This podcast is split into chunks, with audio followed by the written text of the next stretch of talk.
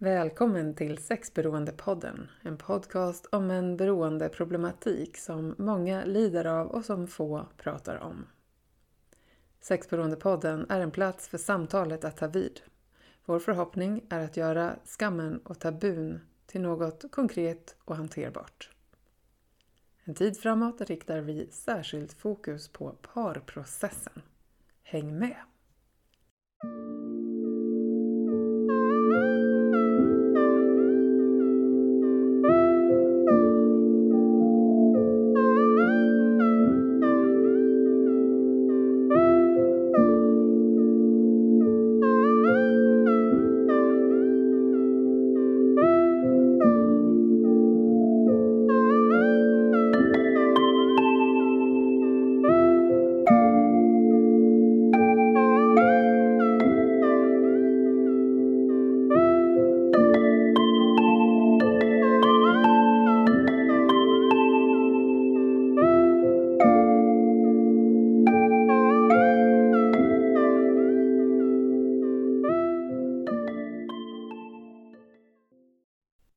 Erik! Hej Tova, hej hej! Hur är läget?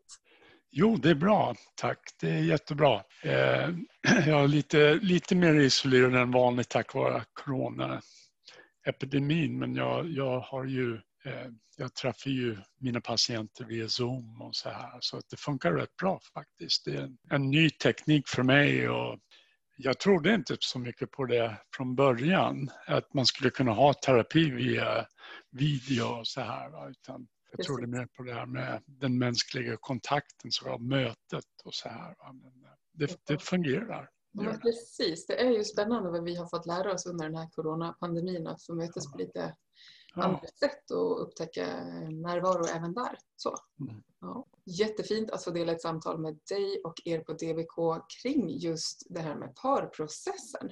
Möjligheter. Så. Ja. ja. Och då är det ju så att eh, ni på DBK har eh, valt att i en serie poddavsnitt nu framåt rikta fokus på parprocessen som är en ganska unik terapeutisk process som ni jobbar med. Ja, visst det har vi. Och anledningen är helt enkelt den att den finns inte någon annanstans i Sverige. Just den här, den här metoden. Och, eh, vi har ju utvecklat metoder för både behandling av sexberoende och för det vi kallar för anhörigtrauma och för kärleksberoende under väldigt många år. Och vi vill ju, speciellt den här parprocessen är, vi, är unik och eh, vi vill liksom föra budskapet vidare och, och berätta för andra, så här kan man göra. Och det finns hopp och möjligheter till läkning i personen och paret. Ja, mm. precis. Jag ser mycket fram emot att få dela de här seriens samtal med dig och som det ser ut nu så kommer vi troligen också bjuda in par och någon som har erfarenhet av just parprocessen på lite olika sätt kommande avsnitt. Ja. Men du, ehm, innan vi går in på parprocessen och de grundprinciper som ni har kring parprocessen, för det är åtta grundprinciper som ni har utvecklat relaterat till just parprocessen. Ja. tycker jag att det kan ju hända sig så att man nu lyssnar på det här avsnittet för första gången kanske i ett sammanhang där man har upptäckt, börjar förstå själv att man har ett sexberoende eller att man har en partner som har ett sexberoende. Kanske känner oj, här var ett samtal för mig. Så. Kan vi dra lite kort, Erik? Vad skulle du beskriva att ett sexberoende är? Och är det här ens faktiskt en grej? Kan man vara sexberoende? Ja, alltså vi på DBK, vi säger såklart ja på den frågan att sex kan vara utvecklas till ett beroende. Om du frågar en sexberoende person vad sexberoende innebär så är jag 100% säker på att du kommer att få svar på hur det upplevs för dem. Mm. mm. Eh, ett väldigt enkelt svar på frågan vad är sexberoende? Det är ju det är att säga att det är eh, strävan efter belöning eller lindring genom att använda specifika sexuella beteenden. Och eh, att de sexuella beteenden som en sexberoende person ägnar sig åt, de uppfyller ett primärt syfte. Och precis som alla andra droger som alkohol, spel, mat och socker så handlar det om flykt ifrån smärta, inre oro och stress. Så att de sexuella beteenden eh, fungerar som en slags medicin. Mm. Och problemet uppstår då när, när man börjar få konsekvenser av sina beteenden. Att de eh, liksom antingen skapar problem i livet eller underblåser problem som man redan har. Va? Ja, det är då det, det, är då det blir ett problem. Det, så är det ju för alla droger. Ja, jag tänker också så. Ehm, nu, jag tänker för den som inte är så bekant med beroendetermen så, så tänker jag att det handlar ju på många sätt om att öka toleransen för saker. Att det som först räckte räcker till slut inte för att få Nej. den här lindringen. Och att vi Nej. behöver beroenden så kan man ju säga att man utvecklar eh, en högre tolerans för att helt enkelt eh, få samma lugn av vilken substans eller vilket beteende det än är vi ägnar oss åt. Mat, träning, arbete, sex, narkotika och så vidare. Och Precis. att det är en ganska viktig sak kan jag tänka att skicka med sig tidigt i avsnittet att, att det är rent biologiskt kemiskt i hjärnan en förändring i, ja, i systemet. Mm. Ja, det, den förändringen sker specifikt i det limbiska systemet, mm. alltså den mest primitiva delen utav Eh, Eh, utav eh, hjärnan. Och eh, i synnerhet i belöningssystemet. Och det handlar om att när, när man pratar om beroende så är det det som är så att säga centralt i det, eller nyckeln till förståelsen för beroende. Det är ju eh, eh, konceptet om den kidnappade hjärnan. Så? Att, att hjärnan kidnappas av och så utvecklar man en tolerans precis som du eh, berättar och, och måste ha mer intensitet när det gäller sexberoende så handlar det ju oftast om en förväxling men också mellan intensitet och intimitet. Så, så att man måste öka dosen för att uppnå samma effekt. Och det är därför man också småningom får negativa konsekvenser av det man gör. Ja, och jag tänker också att ganska mycket, det finns ju många lager av beteenden vi kan ha där vi ännu inte har konsekvenser av det. tänker jag. Och det är, men det är ju där ni kommer in om jag förstår er verksamhet rätt. Att har man behov av er hjälp så har man alltså fått konsekvenser innan och inte riktigt kunnat bryta sitt beroende på egen hand. Så. så är det absolut. Och inte nog med det utan oftast är det så att man kanske har till och med försökt upphöra med sina specifika beteenden tidigare men inte klarat av det under någon längre tid. Va? Och då, då kommer man till en punkt där man liksom behöver hjälp utifrån för, att, för att man fixar inte det själv. Va? Det är då vi kommer in i bilden. Och hos er kan man gå både en individuell behandling och då den här parprocessen? Ja, det kan man göra. Eller vi, vi vill ju helst att om man, är, eh, om man söker hjälp hos oss eh, så, så vill vi ju eh, ha kontakt, om man, om man har en partner, att, man, att, man, att vi har kontakt med partnern. För att sexberoende, liksom alla andra beroenden, påverkar ju alla nära relationer såklart. Va? Och jag vill då påstå att um, den, den känsla av svek som partners till sexberoende män och sexberoende kvinnor upplever är väldigt traumatisk många gånger. Och att man kan till och med utveckla posttraumatiskt stresssymptom och så. Och ni använder ju er också av begreppet anhörigtrauma just relaterat till det du nu beskriver, visst? Ja, det gör vi och det är ju en term som vi har så att säga myntat. Och eh, det innehåller, det innehåller ju symptom på posttraumatisk stress i mer eller mindre hög grad. Så vi har ju också ehm, eh, vår erfarenhet är den att om inte vi har kontakt med partners till de som går i behandling så, så kommer inte behandlingen att fungera. Så det är vår entydiga liksom, eh, erfarenhet att det var så. För de första fem åren i vår verksamhet så hade vi inte kontakt med partners. Och vi märkte att de som hade partners, då behandlingen fungerade inte för dem i lika hög utsträckning som det gjorde för enskilda individer som sökte hjälp. där vi hade väldigt bra siffror på, på de som klarade behandling. Och så. Sen när vi började ha kontakt med partners så förändrades situationen. Eh, och då märkte vi ju att ehm, även partners behöver vägledning, stöd. Eh, många behöver läkas ifrån, sin, sin, ifrån olika posttraumatiska stresssymptom och så vidare. Va? Eh. Och för mig så tänker jag just när vi pratar relationer, intimitet, sexualitet att när beroendet går in på de områdena så är det ju också, tänker jag mig, också då en påverkan på ett annat sätt än om vi hade haft andra till exempel kemiska beroenden.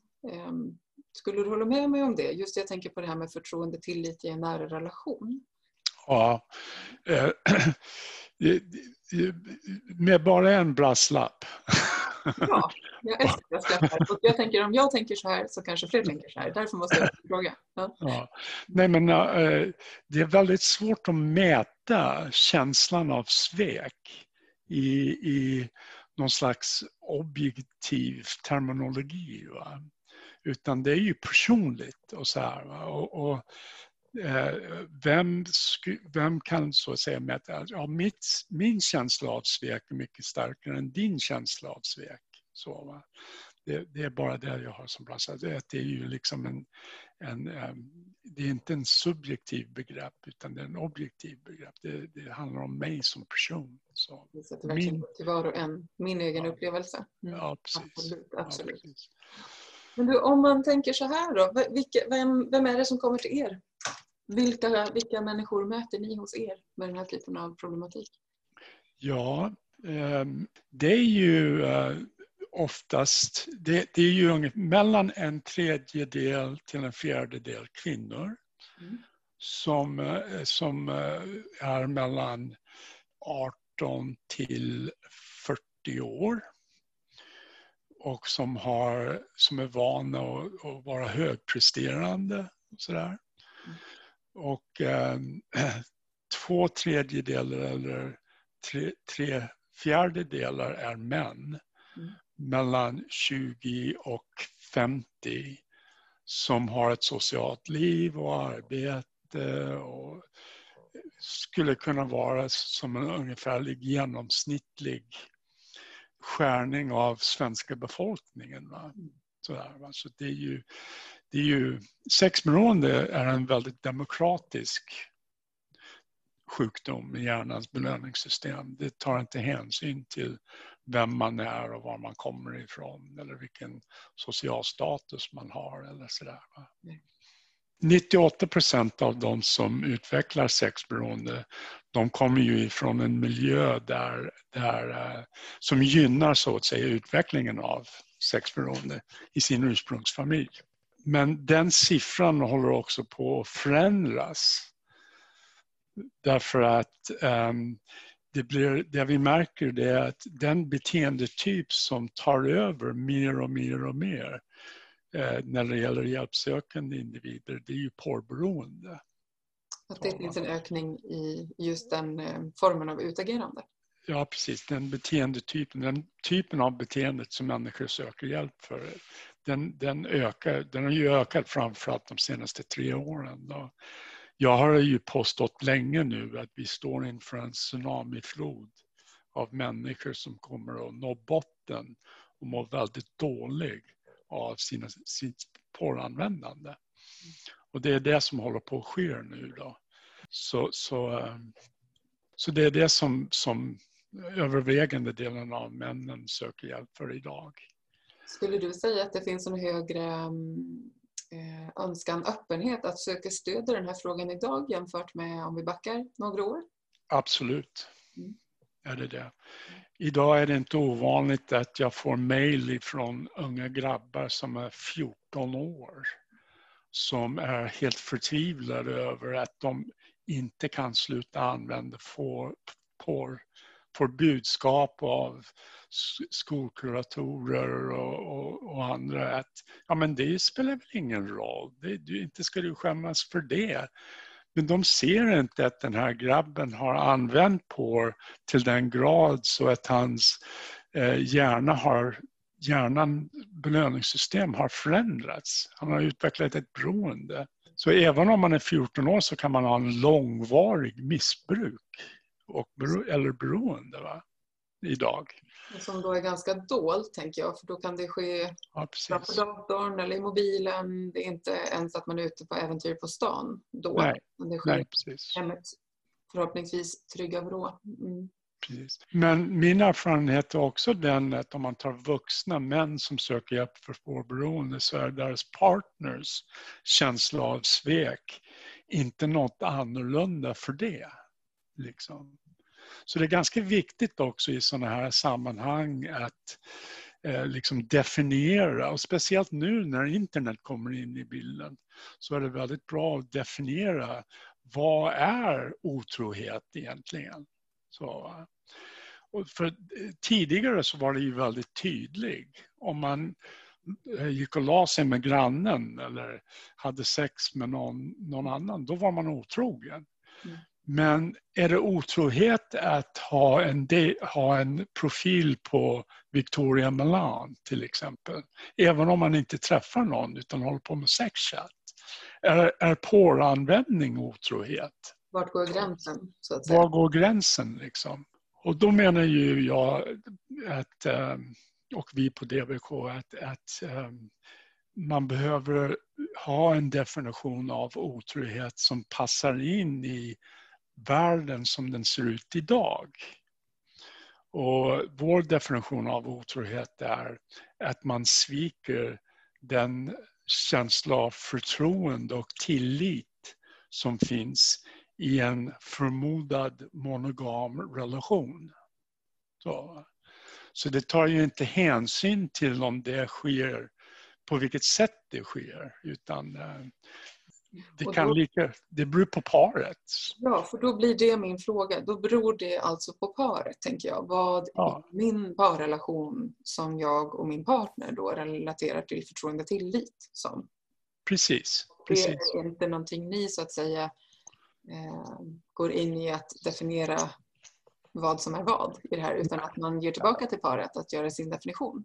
Är det ja. Så. Det är helt rätt, det är precis det som är grejen. Och det, det är också därför som vi använder den här, den här uh, definitionen. Därför att den bygger på den enskilde individens känsla av svek. Mm. Precis som vi pratade om förut, det är ju det som är det viktiga. Min upplevelse av, av att vara sviken. Mm. Mm. Och inte vad någon, någon expert någonstans säger. Så. Nej, att hämta tillbaka till sig själv. Så. Mm. Precis. Och det är ju upp till varje par att definiera vad det är som gäller i den parrelationen. Mm. Så, och är man överens om hur man ska ha det sexuellt så, så behöver inte det vara ett problem. Liksom. Då är frågan om man hade varit hos er, om man var helt överens. Får jag ställa frågan så? Jag tänker att som par att gå i parprocessen hos er så kanske det också finns en, eh, ja, men en grundton av att vi behöver närma oss varandra på ett nytt sätt. Ja, men det är ju det. Det är ju det. Och, och då, då är det ju så här att eh, känslan av svek hos eh, partnern är så pass kraftig så att de upplever att, men hallå där, det här är ingenting som jag vill vara med på. Mm. Och det spelar ingen roll om det handlar om att, att använda porr eller eh, sexchatt oavsett om man träffar personen eller inte och så vidare. och så vidare. Va? Utan det är min känsla att du har inte berättat för mig att du håller på med de här grejerna i ingången vår relation bygger på lögner och hemligheter. Så, va? Jag älskar dig men jag vill inte vara med om det här. Liksom. Så, va? Och jag vet att du har berättat för mig och det tänker jag att vi bara kan kort stanna till vid innan vi går in på vilka de här åtta grundprinciperna är. Det här med eh, att de par som går i parprocessen hos er, eh, många av dem väljer ju att fortsätta tillsammans och några väljer att lämna varandra. Kan du snälla berätta lite mer om dina och era erfarenheter kring just den delen? statistiskt sett så är det mellan 75 till 80 procent av de som går igenom hela parprocessen som väljer att vara kvar i relationen. Mellan, och de andra liksom väljer att separera. Mm. Så, som går igenom hela parprocessen. Mm. Men när de väljer att separera så gör de det utifrån att allt har sagts. Det som behöver sägas har sagts. De är överens om att det är det här som är det bästa. Att vi helt enkelt inte vi har vuxit ifrån varandra eller att eh, vi, vi, vi, är överens om att vi behöver separera också för barnens skull. Och så här, mm. Många gånger. Ja, och när det gäller de som väljer att vara kvar i relationen då, då handlar det om att de har byggt upp en helt ny nivå av eh, tillit och intimitet och så. Mm. Som gör att de väljer att vara kvar i förhållandet eller i relationen. Så. Och att det beslutet blir mera baserat i min upplevelse i det vi har pratat om inför det här mötet. Att, mm. eh, att beslutet blir mera grundat, fattat utifrån en bearbetning mer än på en reaktion på någonting precis, som har precis, hänt. Precis. Och att också kunna gå in i nästa eventuella relation lite ja. mera i mm. tillit kanske? Ja precis och det är ju det som är risken att um, Alltså, det heter ju att man ska lära sig av historien för att inte upprepa samma misstag. Mm.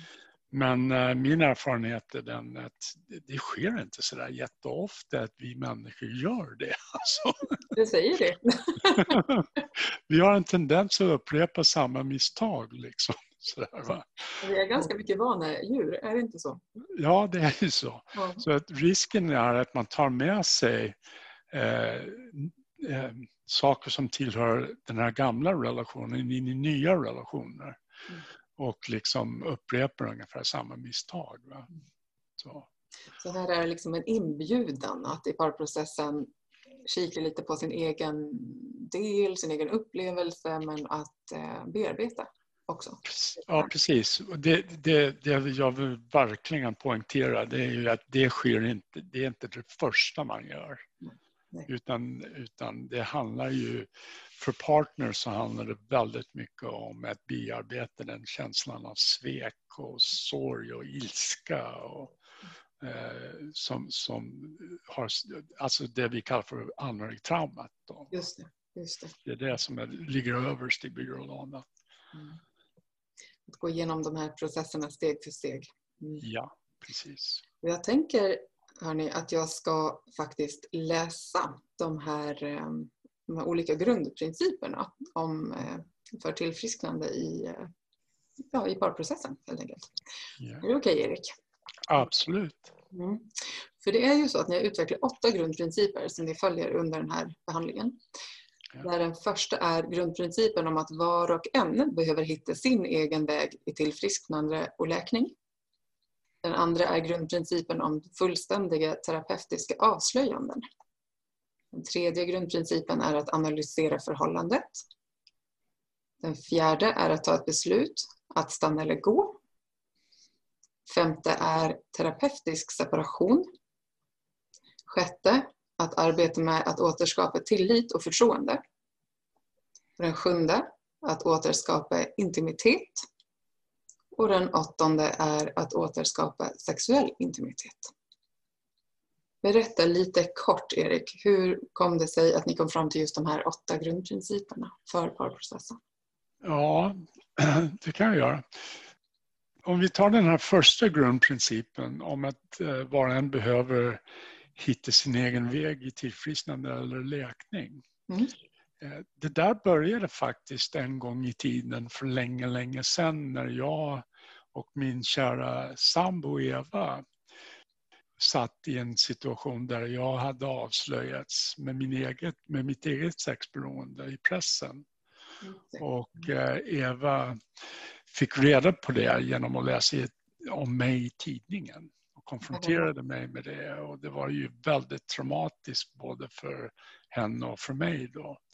Jag blev av med mitt arbete och så här. Va? Och på den tiden då fanns inte, då, det fanns inga som helst kunskap om sexberoende, det fanns inga behandlingsmetodik, det fanns ingen eh, det fanns en självhjälpsgrupp i Stockholm som träffades som hade kanske fem, sex medlemmar. På den, det här var 25 år sedan. Är länge sedan. Det verkar ha hänt lite på 25 år får man ju hoppfullt säga då. Ja, verkligen. Det är ju jättekul faktiskt. Då var alltså det nästan startskottet då på den här resan. Att, att eh, första grundprincipen att var och en behöver hitta sin väg i tillfrisknande läkning. Det är också en del egen erfarenhet hos dig. Ja, det bygger på egen erfarenhet helt och hållet faktiskt. Mm. Eh, för att det vi var tvungna att göra, det Eva gjorde var att hon vi hade ju en lägenhet då som var ett, eh, ett eh, behandlingshem.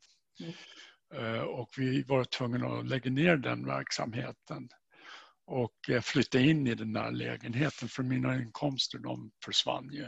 Så. Och då gjorde vi så här att Eva inrättade ett flickrum och jag inrättade ett pojkrum. Mm. Fast vi, vi, visste inte det då, utan då var det ju ett... Hon ville ju vara i fred, hon ville ju inte veta av mig. Liksom. Så, I efterhand kan du se att det var någonting bra som hände där, att ni ja, fick varsitt ja. rum. Så att säga. Ja, precis. Vilket innebar att jag var ju tvungen att, att skaffa mig en plats där jag kunde tillfriskna i min takt. Och hon eh, utred, eller skap, skapade sig en plats där hon fick eh, utvecklas och finna läkning i sin egen takt. Så, så det är egentligen där det här kommer ifrån. Att vi märkte att det fungerade för oss att göra på det sättet. Och så för att vi, vi hade varsin grund i vår, vår respektive rum och så mm. kunde vi mötas på olika ställen. Just. Så kunde vi dra oss tillbaka och så här. Va? Och det hjälpte faktiskt till i lekningen, det där. Och eh, eh, sexberoende avslöjas i en parrelation. Då, då är det ofta så att partners till sexberoende män, de, de upplever chock. Mm. Allt som oftast. I nästan alla eh, fall så är det så. Va? Jag skulle inte, kanske inte i 100 procent. Det finns en del som, som har levt med avslöjat de här olika grejerna många gånger. Där man det, då inte är så förvånad, menar du? Att man inte är så, så förvånad. Va? Men eh, eh, det är oftast väldigt chockartat att få reda på de här sexuella hemligheterna. Mm. Och eh, då behöver de ett forum, någonstans som de kan ta vägen med det här. Som kanske också är utanför eh, eh, deras vänkrets eller, eller familje. Eh, därför oftast så får de också budskap om att ja, men lämna karl fan. Liksom. Inte ska du vara kvar i det här förhållandet. Mm. Så här, Stick för fan. Där är du och, bättre än eller så. Ja, ja precis. Och, och det, det, det, är ju ett råd. Det är liksom inget fel med det. Men det är inte så enkelt va?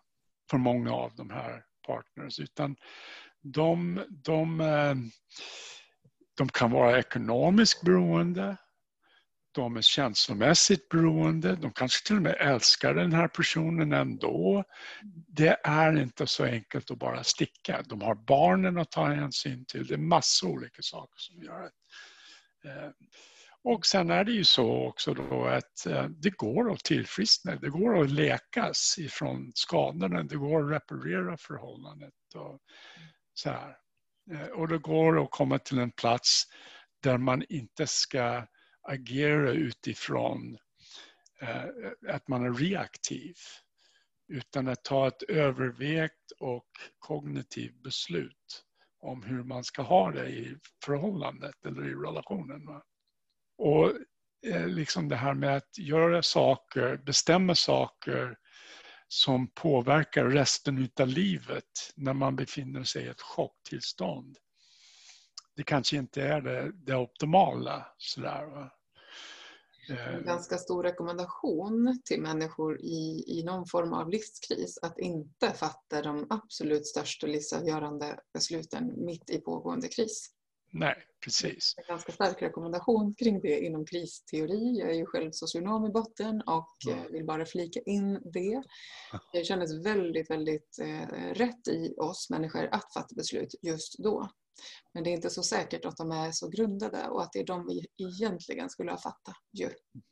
Och här är det ju det ni försöker erbjuda ett rum att vara trygg i att utforska. Vad vill jag egentligen under den här krisreaktionen? Precis, precis.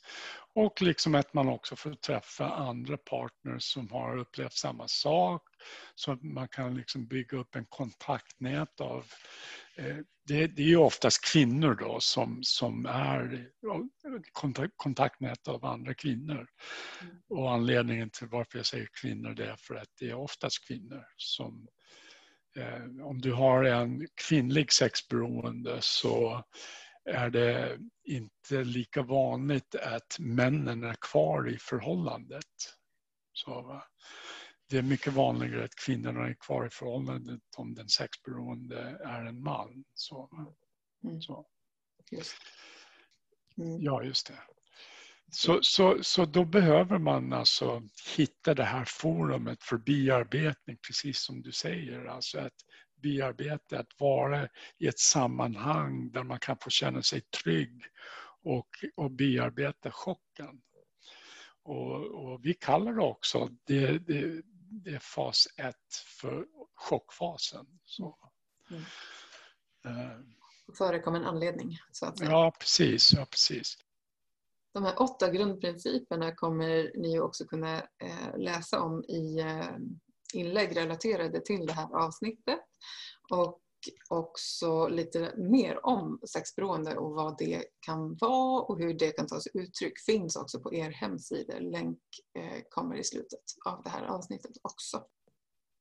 Kommande åtta avsnitt så kommer du och jag, Erik, att gå igenom varje grundprincip i ett eget samtal för att djupdyka lite i vad det ja, kan betyda.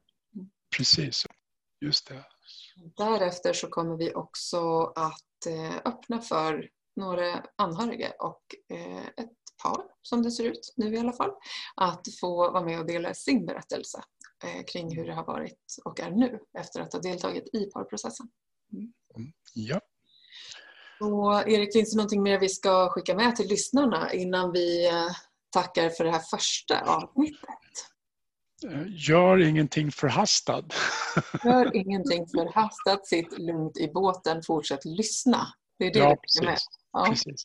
Sen bara inflika också att det går att rekvirera ett kompendium om de här eh, om parprocessen och de här viktiga aspekterna av parprocessen. Um, det kommer att finnas en länk på det också på vår hemsida ett, eh, ett fint kompendium som kan vara gott att bläddra i på egen hand eller tillsammans med partner. Mm. Mm.